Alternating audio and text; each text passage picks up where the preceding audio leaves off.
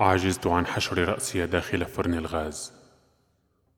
أردت تذوق الموت الهائل بجرعات صغيرة ولمرات عديدة.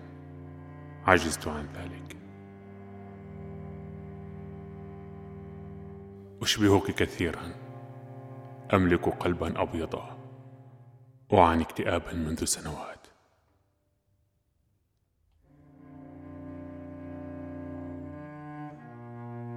لدي طفلان. زوجي أيضا شاعر. يدعى محمد رشو. وليس تيد هيوز. لم يهدني طاولة كتابة صنعها بيديه. لكني مثلك أيضا. أعتقد أنه يخونني. أبحث عن Angel Evil بين أسماء صديقاته. عن أي دليل؟ لا لأرد الكيل فوالدي ما زال على قيد الحياة. فقط لأتجرع مثلك طعم الألم المر. تخطيت الثلاثين لذا لا ينفع الآن أن أنتحر؟ تخطيت الثلاثين لذا سأدلي بنصيحة. أحسن استعمال يديك البيضاوين. فالمناشف المبللة التي وضعتها بإحكام تحت الباب كي تمنع تسرب الغاز. لم تمنع عزيزتي.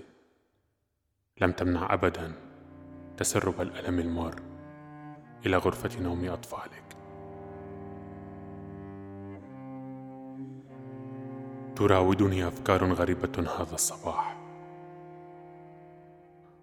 كأن أخطف أطفالا وأرميهم في البئر.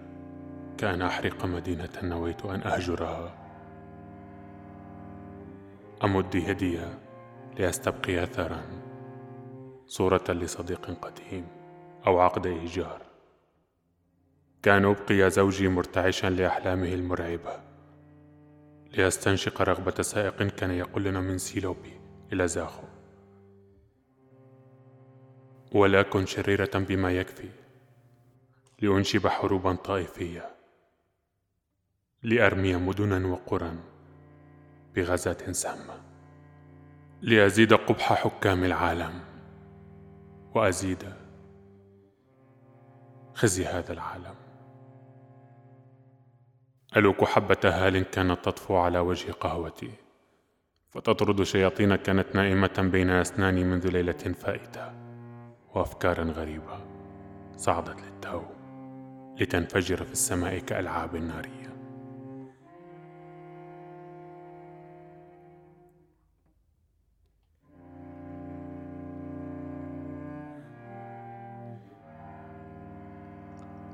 في صباح كهذا سأخبرك ما الذي تفعله النساء في ليالي وحدتها الطويلة. ما الذي تقدمه الريح لتصدر كل هذا الأنين؟ سألحق خيبة لاذعة التصقت بجبينك وأريك كيف تنبت الخطيئة رقيقة طرية وشهية جدا. لكن أحتاج الآن أحتاج من يرفع هذه السماء عني لأنظر في عينيك دون أن تنهمر علي كإناء زجاج مكسور لأن تصلبني تنحني علي كظل تمتصني ومن جديد تحيلني لبركة ماء تغوص في سريعا مديدا حارا لنحصد دمي. ولأبقى قصبة في حقل سريري البارد. يا إلهي يا إلهي من يرفع هذه السماء عني؟